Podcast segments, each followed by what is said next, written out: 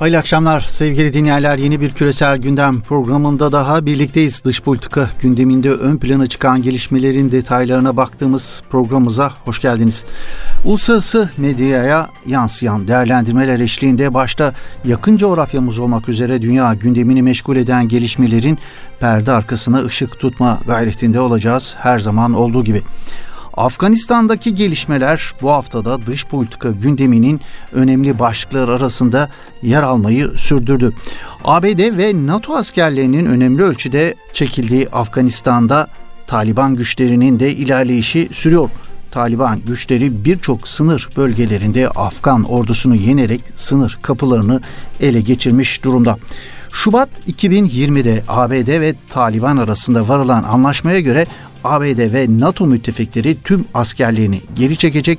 Bunun karşılığında ise Taliban kontrol ettiği bölgelere El-Kaide veya diğer radikal grupların faaliyet göstermesine izin vermeyecekti.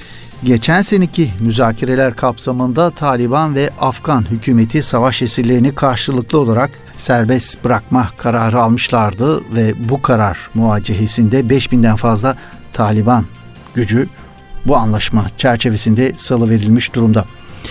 ABD Taliban'a yönelik yaptırımların kaldırılma ve BM'nin ayrı yaptırımlarını da kaldırmak gibi girişimlerde bulunma sözü vermişti Taliban güçlerine sevgili dinleyenler.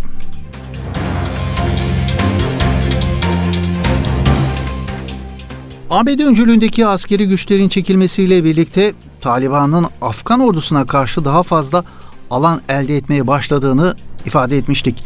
ABD'li yetkililer Afganistan'daki asker çekmenin %95 oranında tamamlandığını söylüyor.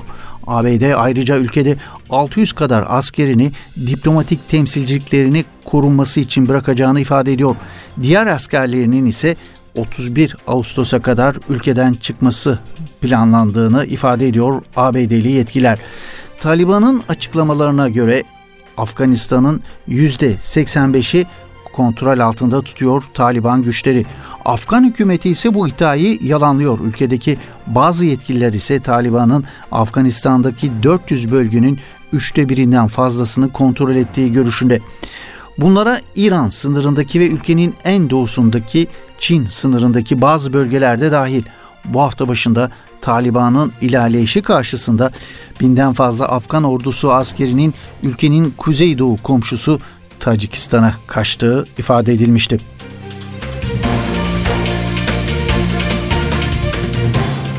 Afganistan'dan çekilmenin bir yenilgi olduğunu kabul ediyor Amerikalı yetkililer sevgili dinleyenler.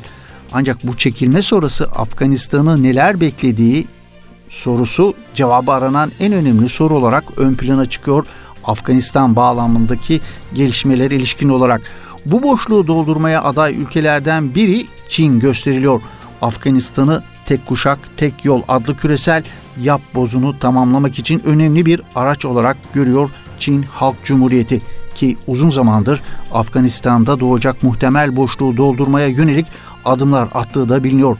Çin'in Afganistan'daki boşluğu doldurmaya yönelik attığı adımlara ilişkin uluslararası analizlere yansıyanlara bakmak istiyoruz bu noktada. Afganistan Çin için birkaç açıdan önemli bulunuyor. Çin, Rusya Federasyonu'ndan sonra dünyada en çok sınır komşusuna sahip bir ülke olarak ön planda sevgili dinleyenler. Söz konusu ülkenin kara sınırını paylaştığı tam 14 ve deniz sınırını paylaştığı en az 5 komşusu bulunuyor. Bunlar arasında Çin'in sadece iki komşusuyla yani Pakistan ve Afganistan ile herhangi bir toprak veya sınır ihtilafı yahut askeri çatışma geçmişi olmadığına dikkat çekiliyor. Diğer komşularıyla muhtelif sınır anlaşmazlıkları yaşayan Çin'in diğer komşularıyla gerginliği önlemek için Pakistan, Afganistan ve Tacikistan gibi dost ülkelerden oluşan bir blok oluşturmak Batı Asya'daki sınırlarını pekiştirmek açısından önemli bulunuyor. 2015 yılında Çin'in Tacikistan'da Afgan sınırına ve Vahan geçişine yakın bölgede askeri bir üs kurmayı başardığı da hatırlatılıyor bu noktada. Tarihi perspektiften bakıldığında ise Çin'in Afganistan'da aktif varlık gösterme programına 1933 ve 1973 yılları arasında Afgan Şahı olan Muhammed Zahir Şah döneminde başladığı belirtiliyor. Çin yönetimi ulusal diller olan Peştuca ve Daruce'yi öğrenmeleri için binlerce Çinli genci 1960'larda Afganistan'a göndermiş. 1960'ların sonuna kadar Çin'in Afganistan'da etkili bir ticari, askeri varlığa sahip olacak derecede büyük bir ekonomik kapasitesi bulunmuyordu. Çin büyük oyuna bu yıllardan sonra Pakistan'ın ara buluculuğuyla girdi. 2000 yılında Çin'in İslamabad Büyükelçisi Taliban lideri Molla Ömer'i ziyaret etti ve aralarında büyük bir ticari askeri anlaşma üzerinde mutabakat sağlandı. O zamandan bu yana Afganistan'daki Çin yatırımlarının katlanarak arttığı belirtiliyor.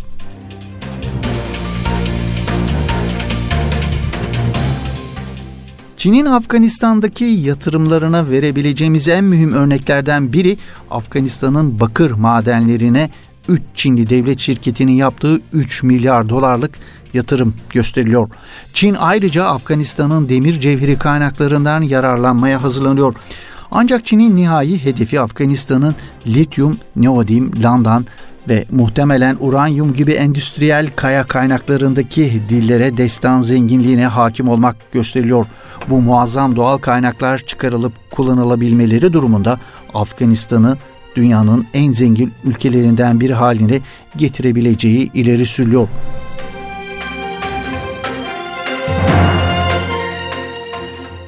Çin, Taliban'la işbirliğini ise askeri alanda da gerçekleştirmiş durumda. Taliban'ın Afganistan'ın başta Lohar velayeti olmak üzere kontrolündeki çeşitli bölgelerde Çin'in yatırımlarını ve teknik personelini koruyucu bir rol üstlendiğine dikkat çekiliyor. Bu koruma görevi karşılığında Çin, Taliban'a çeşitli silahlar sağlıyor. İlginçtir ki Çin silahları Taliban'a Pakistan üzerinden değil, İran üzerinden ulaştırıyor. Pekin'in Pakistan'ı büyük oyunun bu perdesinden uzak tutmakla güttüğü amaç İslamabad'ın yılda 2 ila 3 milyar dolar arasında yardım aldığı Washington'da ilişkilerinin gerilmesini önlemek. Çin'in İran'la Afganistan'da işbirliği yapmasındaki amaç ise her ikisinin de ideolojik düşmanı gibi görünen Taliban'a yardım pahasına da olsa ABD ve Rusya'yı büyük oyunun dışında tutmak olarak gösteriliyor. Görünüşe göre ne Pekin ne de Tahran Moskova hakkında olumlu düşünüyor. İran lideri Ayetullah Ali Hamenei Rusya'ya belirli bir derecede teveccüh gösteriyor olsa dahi İran hükümeti ve kamuoyu Rusya'yı ülkelerinin düşmanı olarak görüyorlar.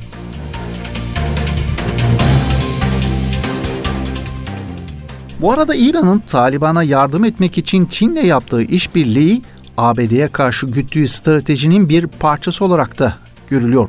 Bu noktada Tahran yönetiminin endişeleri de yok değil aslında.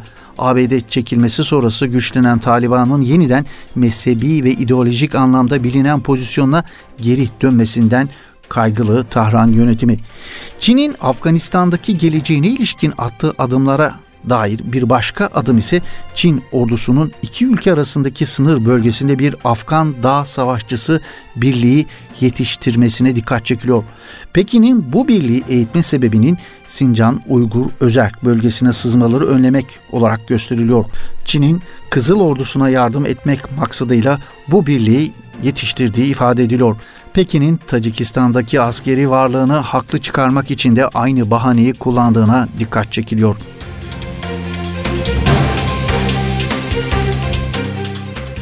Çin'in yanı sıra Rusya'da Taliban'la diplomatik ilişkiler geliştirme amacında olduğu gözlemleniyor. Moskova'nın ABD'nin Afganistan'dan çekiliyor olmasından memnun olsa da ABD'nin tamamen çekilmesiyle birlikte Afganistan'ın istikrarsızlaşmasını ve en önemlisi de bunun komşu coğrafyalara yayılmasını istemediği vurgulanıyor. 2003 yılında terör örgütü listesine dahil ettiği Taliban yetkililerini bu süreçte Moskova'da kabul etmesinin sebebi de bu deniliyor. Bu görüşmenin başka sebepleri de olduğu vurgulanıyor.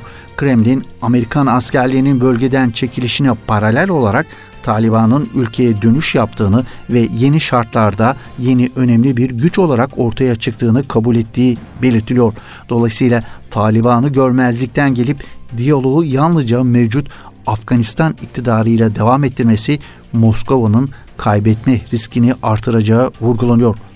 ABD'nin çekilmesinin ardından sevgili dinleyenler ortaya çıkacak boşluğu kimin dolduracağına dair şimdiden bir kestirmede bulunmak oldukça güç gözüküyor ancak Afganistan'ın yakın planda istikrara kavuşması pek muhtemel gözükmüyor son konjöktürde.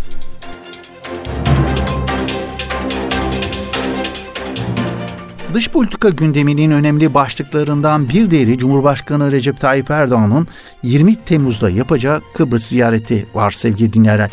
Hem Rum ve Yunanistan hem de Batı dünyasının medyasında Cumhurbaşkanı Erdoğan'ın ziyaretine ilişkin dillendirilen ve yazılan çizilen kaygılar dikkat çekici bulunuyor. Kaygıların nedenine ilişkin ise Cumhurbaşkanı Erdoğan'ın bu ziyarette yapacağı muhtemel açıklamalar gösteriliyor. Batı medyasına göre Erdoğan Doğu Akdeniz'de doğal gaz bulunduğunu açıklayacak. Ayrıca kapalı Maraş bölgesinin statüsünün değiştirilmesi veya adada kalıcı askeri üs kurulması gibi muhtemel açıklamalarda bulunacağı ileri sürülüyor Batı medyası tarafından. Batı medyası ve siyasi çevrelerince Cumhurbaşkanı Erdoğan'ın muhtemel açıklamaları sadece adadaki siyasi durumla ilgili sorunlar ortaya çıkartmayacak. Aynı zamanda Türkiye-Batı arasında çatışmalı yeni bir sürecin başlatma potansiyelini de taşıyor Cumhurbaşkanı Erdoğan'ın bu muhtemel açıklamaları sevgili dinleyenler.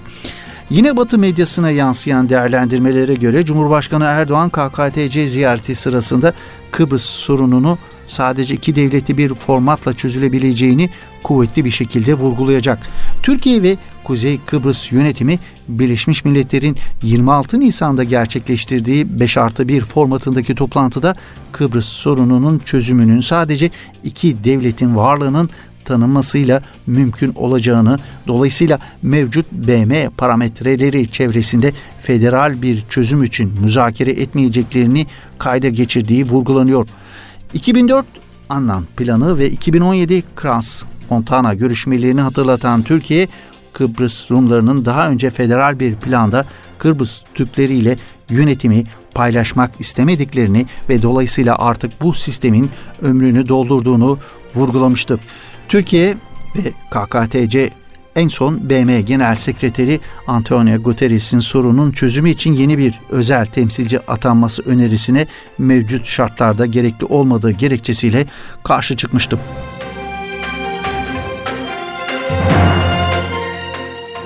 Avrupa Birliği, ABD ve Rusya gibi Kıbrıs sorununu yakından takip eden ülkeler Kıbrıs sorununda BM Güvenlik Konseyi kararlarınca belirlenen çerçevenin esnetilmesine karşı çıkıyorlar. Avrupa Birliği Komisyonu Başkanı Ursula von der Leyen bu konuda en net açıklamayı 6 Temmuz'da yapmış ve Avrupa Birliği'nin iki devletli çözümü hiçbir zaman kabul etmeyeceğini ilan etmişti. AB Komisyonu Başkanı Ursula von der Leyen'in Cumhurbaşkanı Erdoğan'dan Kıbrıs'ta sert mesajlar vermemesini istemiş. Cumhurbaşkanı Erdoğan ise benim ne konuşacağıma sen mi karar vereceksin? Gideceğim konuşacağım cevabını almıştı Leyen sevgili dinleyenler. Erdoğan'ın iki devletli çözüm pozisyonunu daha da ileriye götürecek olması batılı diplomatik çevrelerde kaygı verici bir durum olarak değerlendiriliyor. Bu noktada Kıbrıs Türk yönetiminin tanınmasını sağlamak için bir süreç başlatabileceği vurgusu yine Batı medyasına yansıyan değerlendirmeler arasında. Rum kesimi ve Batı medyasını kaygılandıran bir diğer sebep kapalı olan Maraş'ın askeri statüsünün değiştirmeye yönelik atılacak adımlar. Cumhurbaşkanı Erdoğan adaya son ziyaretini 15 Kasım 2020'de yapmış ve 1974'ten bu yana kapalı olan Maraş'ın kullanıma açılması için ilk adımı atmıştı. Erdoğan'ın bu ziyaretinde Maraş açılımını daha ileriye götürecek adımların atılması ve bu yönde alınan kararların açıklanması ihtimaller arasında görülüyor. Erdoğan'ın Kıbrıs Rumlarının taşınmaz mal komisyonuna başvurmalarını hızlandıracak yeni açılımlarda bulunabileceği, Maraş açılımını hızlandıracak yeni projelerini gündeme getirebileceği belirtiliyor Batı medyasında ve bunu kaygı sebebi olarak vurguluyor Batı medyası sevgili dinleyenler.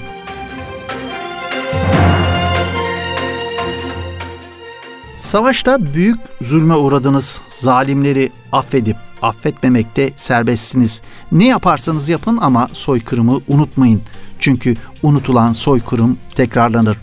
İnsanlık tarihinin en büyük katliamlarından biri olan Srebrenica soykırımının unutulmamasını bu sözleriyle istemişti Bosna'nın efsane lideri rahmetli Aliya İzzet Begoviç. Srebrenica katliamı yıl dönümünde Aliya İzzet Begoviç'in vasiyetine sahip çıkarak bu soykırıma dair bilgilerimizi bir kez daha tazelemek istiyoruz. 4 yıl süren Bosna Savaşı'nın en kanlı sahnelerinden biri 11 Temmuz 1995'te Bosna Hersey'in doğusunda yer alan ve nüfusunun çoğunluğu Boşnaklardan oluşan Srebrenica'da yaşandı. İkinci Dünya Savaşı'ndan sonra Avrupa'da vuku bulan en büyük soykırıma tanıklık eden Srebrenica'da Birleşmiş Milletler Barış Gücü korumasındaki 8372 Bosnalı Müslüman dini ve milli kimliklerinden dolayı Sırplar tarafından katledildi. Ayrıca savaş boyunca yüzlerce kadın ve küçük kız çocuğuna da tecavüz edildi. Bölgedeki köylerden güvenli bölge olarak ilan edildiği için Srebrenica'ya sığınan on binlerce insan da şehirden zorla çıkartıldı.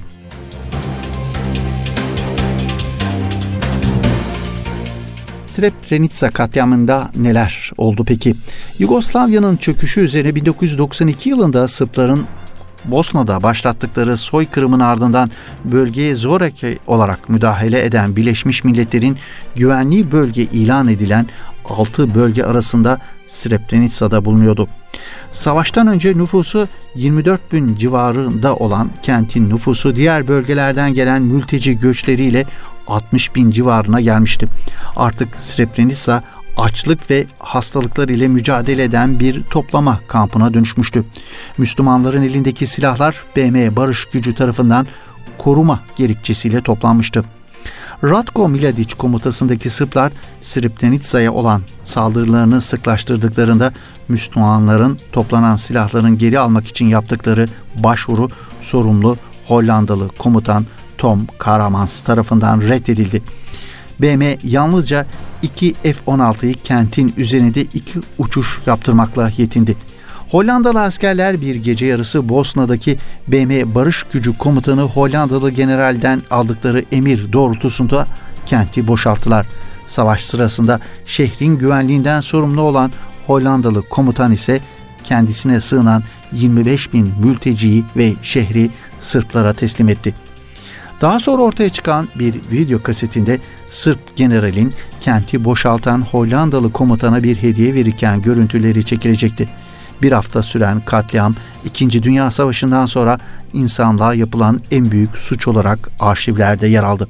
Katliamdan 15 yıl sonra 27 Haziran 2017 tarihinde Hollanda Mahkemesi Srebrenica katliamıyla ilgili Hollanda askerlerinin yasa dışı hareket ettiğine, Hollanda'nın kısmen hatalı olduğuna karar vererek Hollanda askerlerini suçlu buldu. Mahkeme Srebrenica'da ölenlerin %30'undan Hollanda hükümetinin sorumlu olduğunu açıkladı. Lahey Adalet Divanı bir hafta süren katliamın bir soykırım olarak kabul ettiğini açıkladı. Ancak Sırbistan'ın sorumlu tutulamayacağına karar verdiği Lahey Adalet Divanı.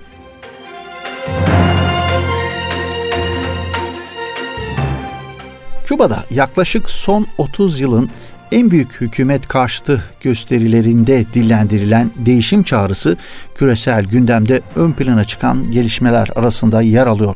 Küba'nın sosyalist ilkelere dayanan devlet kontrollü ekonomisi çökmek üzere bir başka ifadeyle. Başkent Havana'nın yanı sıra birçok şehir ve kasabada sokağa inen binlerce Kübalı kahrolsun diktatörlük sloganları ile sosyalist Küba yönetimini protesto ediyor.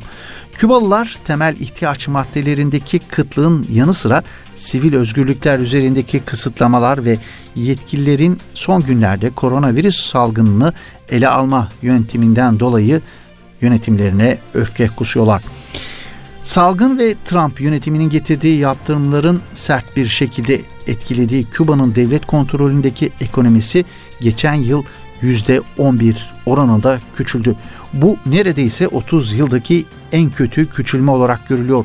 Turizm aracılığıyla ülkeye giren döviz koronavirüs salgını nedeniyle kesilince Küba'nın ekonomisi felç olmuş durumda. New York Times gazetesine göre insanların artık temel gıda maddelerini satın almak için her gün saatlerce kuyruğa girdiği bildiriliyor. Kübalıların küçük şehirlerde, kasabalarda dahi protesto gösterilerini düzenlemeleri sosyalist yönetime yönelik Küba halkının öfkesinin boyutlarını göstermesi açısından dikkat çekici buluyor. Öte yandan Küba'da halkın rejim değişikliğiyle sokaklara inmesi Türkiye'de bir kesimin yaptığı mutlu Küba güzellemelerine de bir hayli gölge düşünmüş durumda. Türkiye'de sosyalistlerin iddia ettiği gibi her şeyin güllük gülistanlık olduğu milletvekiliyle garsonların eşit maaş alan Kübalılar öyle iddia edildiği gibi hayatlarından pek memnun olmadığı bu son gösterilerle ortaya çıkmış durumda.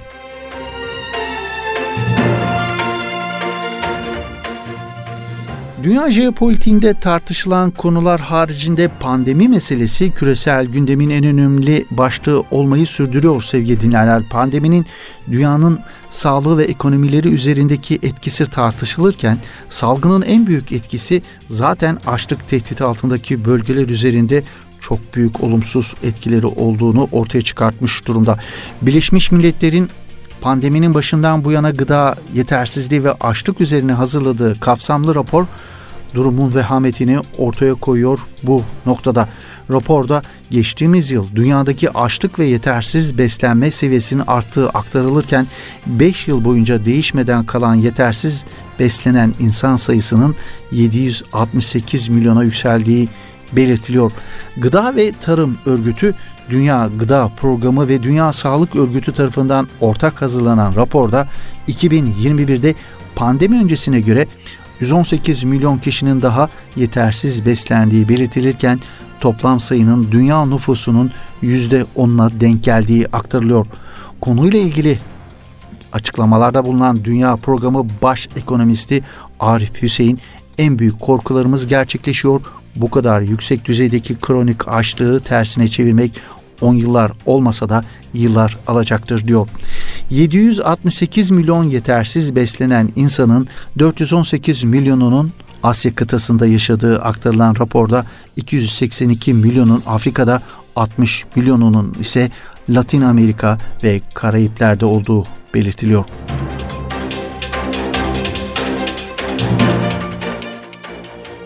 Evet, bugünkü küresel gündem programımızın da böylelikle sonuna gelmiş bulunuyoruz sevgili dinleyenler. Yeni bir küresel gündem programında buluşmak ümidiyle hoşçakalın, esen kalın efendim.